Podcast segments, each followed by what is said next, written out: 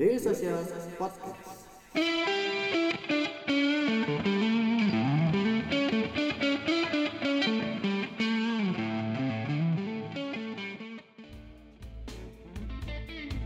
Halo, selamat sore teman-teman Daily Social Podcast. Eh, hari ini ketemu lagi di Daily Social Podcast atau di ngobrolin startup.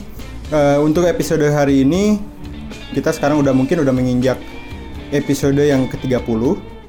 Kita bakal ngebahas lagi research terbaru dari Daily Social. Beberapa waktu lalu kita baru aja ngeluarin eh, report yakni startup report seperti yang udah dijanjikan oleh Mas Randi di podcast kita yang sebelum-sebelumnya gitu.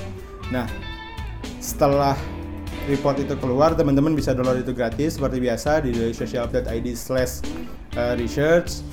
Hari ini kebetulan Mas Randi pun berkesempatan untuk datang lagi ke kantor. Tentu saja saya manfaatkan ini untuk bisa ngobrol la- langsung dengan Mas Randi tentang dinamika atau apa-apa aja yang menjadi pembahasan startup report ya, yang baru keluar beberapa waktu lalu ini. Halo Mas Randi. Halo. Apa kabar Mas? Baik, baik. Nah. Selamat jumpa kembali. Nah, kalau kemarin kan kita ngobrolin tentang fintech report nih Mas ya, Yes. beberapa waktu episode yang lalu gitu. Nah, sekarang Mas Randi baru juga merilis tentang startup report yang baru rilis beberapa waktu lalu itu ya Mas ya. Ya. Hmm. Nah, kalau perkembangan startup selama 2018 itu gimana sih Mas? Eh, 2018 ini menarik. Eh, kita awali dulu dengan ngomongin startup yang lahir di tahun Hmm, ini ya. hmm. Eh, dari catatan Daily Sosial, selama tahun 2018 itu setidaknya ada 142 startup lokal baru. 142. Ya, yang Oke. baru. Eh, dengan asumsi kita 142 itu yang benar-benar udah proper. Jadi secara model bisnis udah oke, Oke. operasional udah jalan, Oke. udah punya traction dan sebagainya karena udah diliput ya. Ya. Dan angkanya jauh lebih banyak lagi startup-startup yang really baru, mungkin yang mereka lagi validate ide atau yang lagi eh, bikin MVP dan sebagainya. Oke.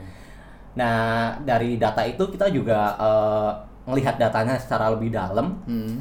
kebanyakan dari startup baru itu kita mencatat ada yang paling banyak itu dari kategori SaaS SaaS. software as a services. Oke. Nah, yang kedua ada fintech Hmm. dan yang ketiga ada education technology atau edtech. Oke. Jadi ada tiga besar itu yang pertama, Hmm. oh yang keempat ada OTA yang travel. Oke. Ya, ada empat besar itu. Nah, yang pertama SAS yang paling tinggi. Hmm. Kenapa itu menjadi yang paling signifikan di tahun 2018? Itu kalau kita ngomongin SAS bentuknya itu macam-macam mas. Kayak eh, nggak cuma kayak layanan kayak layanan marketing, email Oke. marketing itu juga masuk kategori SAS. Terus layanan human resource itu juga Hmm. memasukin layanan SAS. Pada dasarnya SAS itu aplikasi yang bisa diakses online Hmm. biasanya untuk B2B untuk Oke. perluan kantor misalnya Nah. untuk penggajian dan Ya, sebagainya Bisnis to bisnis jadi ya, ya, ya? to bisnis Hmm. yang kedua ada fintech Hmm. itu udah kita bahas secara detail di Ya. eh, report sebelumnya Ya. itu bisa di download juga Oke. atau eh, bisa dengerin podcast yang sebelumnya dan yang ketiga ada education technology Oke.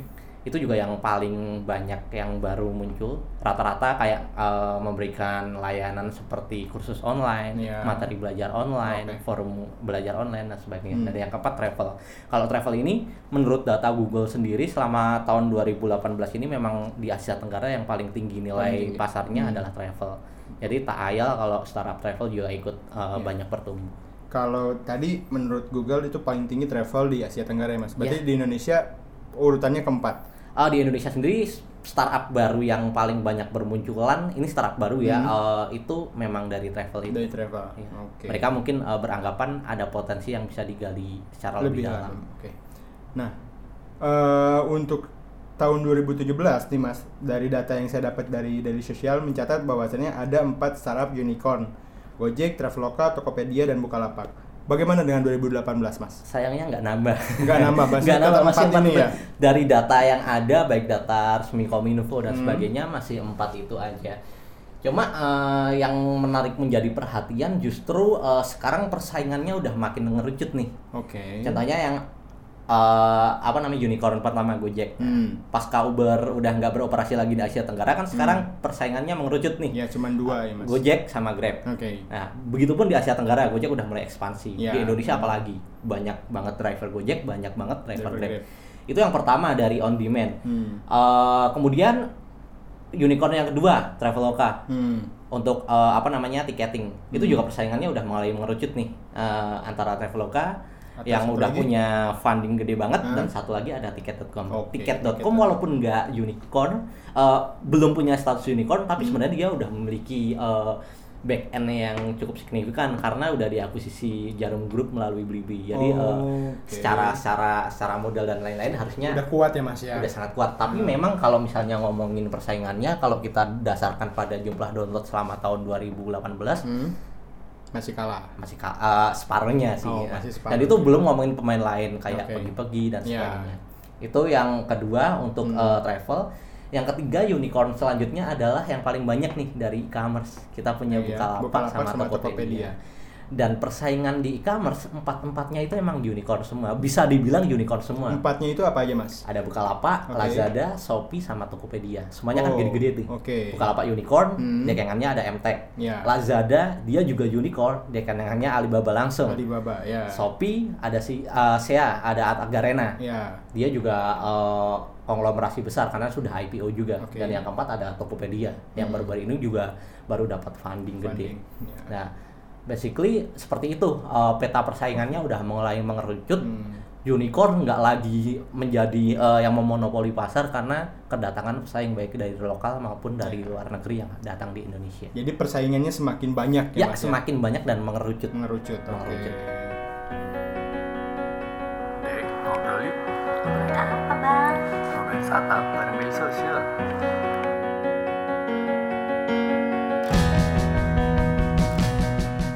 Daily Social Podcast. Oke.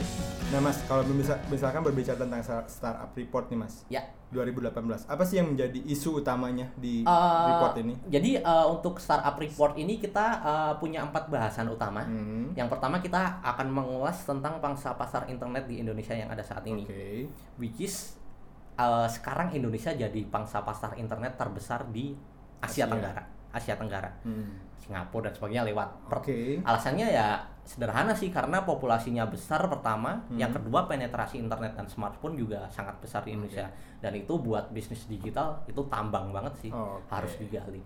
Nah Yang pembahasan yang kedua adalah tentang eh, lanskap startup di Indonesia itu sendiri. Hmm. Kita akan membahas tentang eh, investasi, Oke. eh, tentang eh, pemain-pemain baru yang menjadi rising star dan Hmm. sebagainya.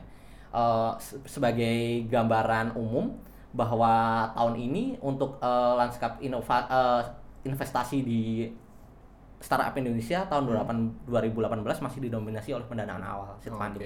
Totalnya ada 20 transaksi pendanaan awal. Oke. Kemudian yang kedua ada 14 transaksi pendanaan series A, Oke. ada 11 transaksi pendanaan series B. Yang menarik di series B nih, Hmm. Artinya kepercayaan inv- investor untuk ngasih dana yang lebih gede makin meningkat Makin untuk startup oke. di Indonesia.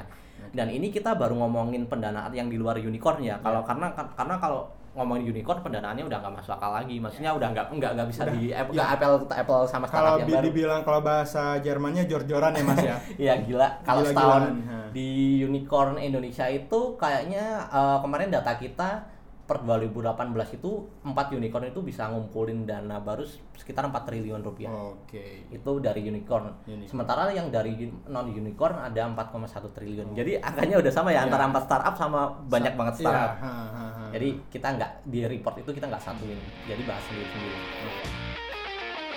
Jangan lupa subscribe Ngobrolin Startup Daily Social Podcast di SoundCloud, Spotify, atau aplikasi podcast favorit kamu.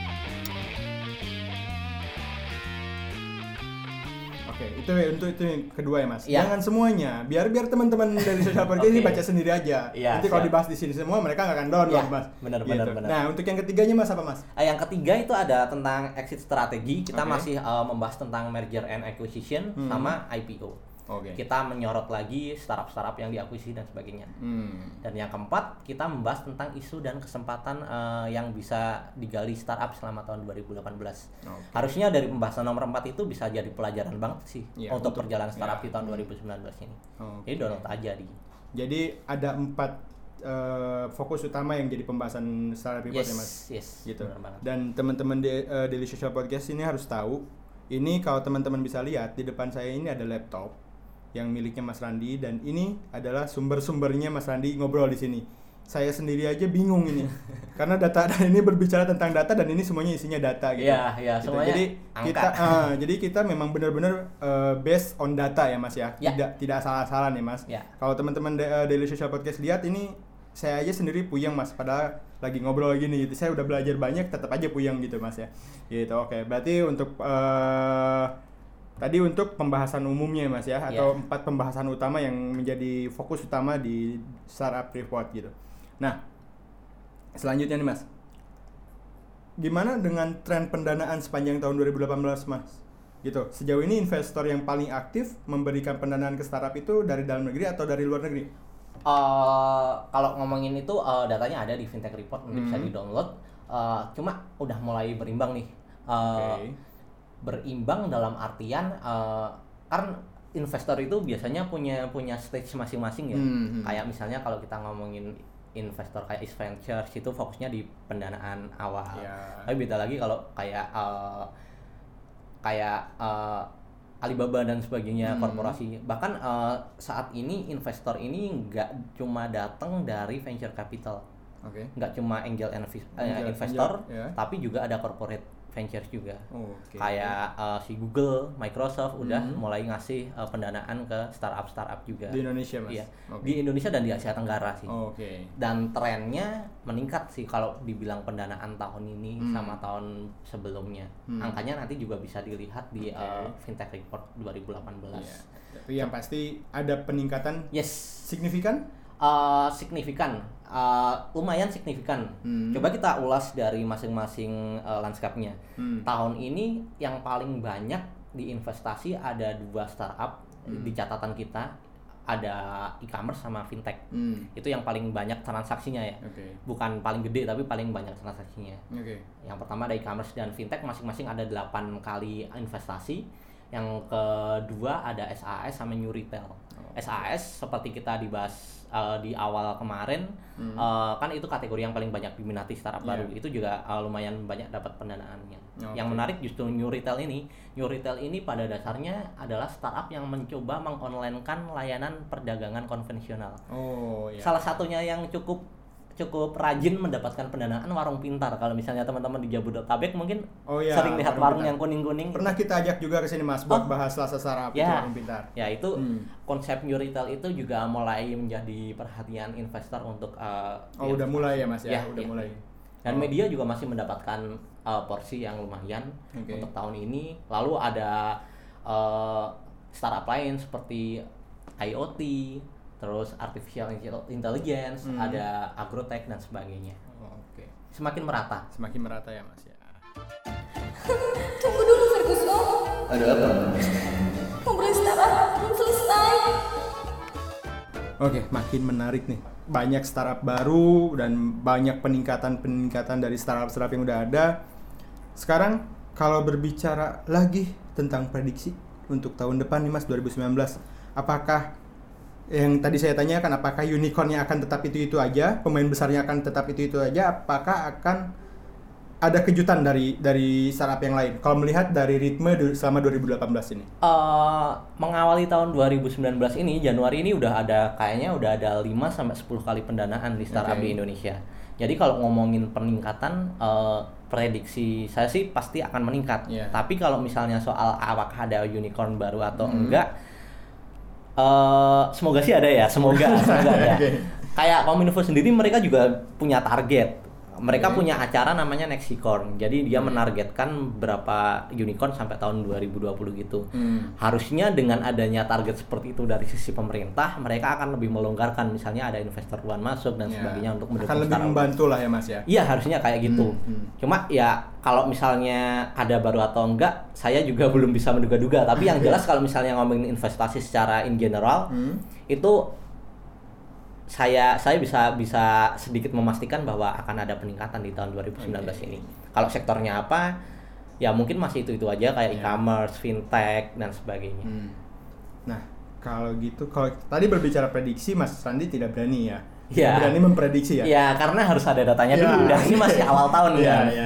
Nah, sekarang kalau misalkan saya tanya nih, jagoannya Mas Randi 2019 yang yang akan secara sangat signifikan berkembang. Dari Banyak ya, sih ini. dari ya kita berbicara persempit aja dari yang empat unicorn tadi. Eh, menurut saya yang paling signifikan yang pertama Gojek ya pasti Gojek, ya. oke. Gojek. Itu yang dengan target dekakon tadi. Ya, ya Gojek kayaknya eh, bakal berkembang pesat karena Hmm. Selain dia punya landasan kuat dari sisi on demand kayak layanan eh, travel, GoFood dan sebagainya, Hmm. dia Ya. fintechnya juga udah kuat banget nih. Oke. Satu eh, satu-satunya sekarang unicorn yang punya apa namanya fintech dan on demand secara Ya. beriringan kan.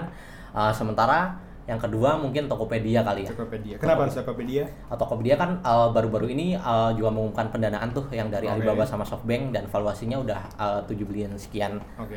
Nah, Bukalapak juga udah mulai mulai grow banget Hmm. dan Traveloka sendiri juga uh, keempatnya harusnya akan sangat signifikan tahun ini. Seharusnya ya, Mas. Seharusnya, kayaknya karena masing-masing juga punya target target ekspansi ke Asia Tenggara. Oh. Eh, kecuali Tokopedia dan Bukalapak, dia belum belum bilang kalau pengen ekspansi. Tapi kalau Hmm. Traveloka sama Gojek jelas tuh udah jelas. udah jelas mereka pasti ekspansi karena udah udah udah memang udah ekspansi Oke. dan Gojek sama Traveloka juga mereka sudah punya R&D di India juga Oh iya iya iya. Ya. Sudah sudah ba- bahkan baru ada yang baru ya kemarin Traveloka ya apa Bukalapak? Iya Traveloka. Traveloka kalau ya, Traveloka baru. di India, kalau Di India. Bukalapak kebetulan di Bandung. Oh, oke gitu. Nah, di luar unicorn ini Mas Randi punya jagoan lain? Eh, punya sih kalau misalnya ditanya startup favorit ada beberapa. Hmm, apa Salah Mas? satunya menurut saya eh, yang akan akan signifikan itu ada banyak sih kayak Bread Story, Oke. terus eh, kayak fintech fintech kayak modalku dan Hmm. sebagainya, Coinworks dan sebagainya, kayaknya mereka akan juga mulai rise finding Oke, besar tahun ini. siap. Mungkin segitu aja Mas pembahasannya karena kalau berbicara tentang data ya teman-teman harus dulu. ya teman-teman harus baca langsung. Iya, iya. Gitu. Oh ya, kalau yang 2018 ya dibaca. teman-teman harus baca langsung nggak bisa kita obrolin gini Ya, nanti ya, teman-teman pusing saya aja saya juga pusing sendiri gitu ya Oke, benar, jadi teman-teman kalau misalkan pengen tahu lebih lengkap tentang startup report tentang perkembangan startup di Indonesia bisa langsung download aja startup report di dailysocial.id slash research itu di sana udah lengkap teman-teman mau nyari tentang apa pun tentang startup report di sana udah ada bisa baca langsung karena kalau kita obrolin ini itu bukan obrolan yang santai gitu ya Mas ya. Tidak bisa ya. ya tidak bisa diselesaikan Iya, dengan iya. 30 menit gitu kalau itu karena menyangkut data dan lain-lain gitu. Mungkin segitu aja untuk pembahasan sore ini.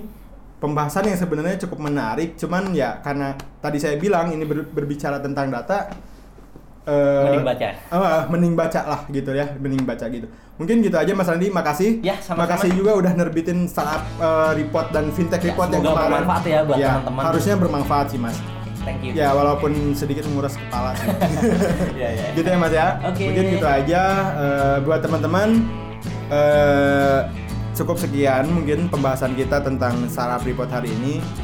Mungkin nanti ada next project Mas. Eh, kemungkinan eh, di kuartal kedua ini kita akan merilis e-commerce report. Oke. Itu tapi masih masih rahasia ya. Masih rahasia ya, nggak akan ada nggak bocoran dikit. Ya mungkin bisa kalau udah. Oke, siap.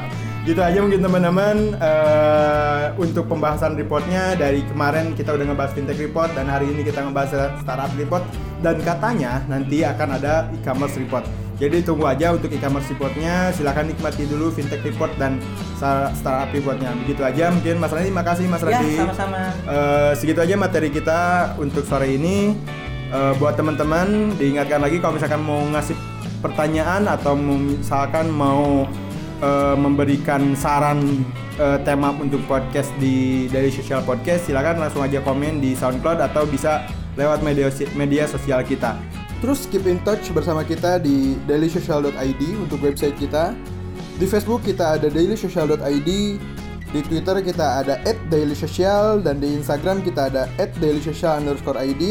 Di LinkedIn kita ada Daily Social dan di YouTube kita ada Daily Social.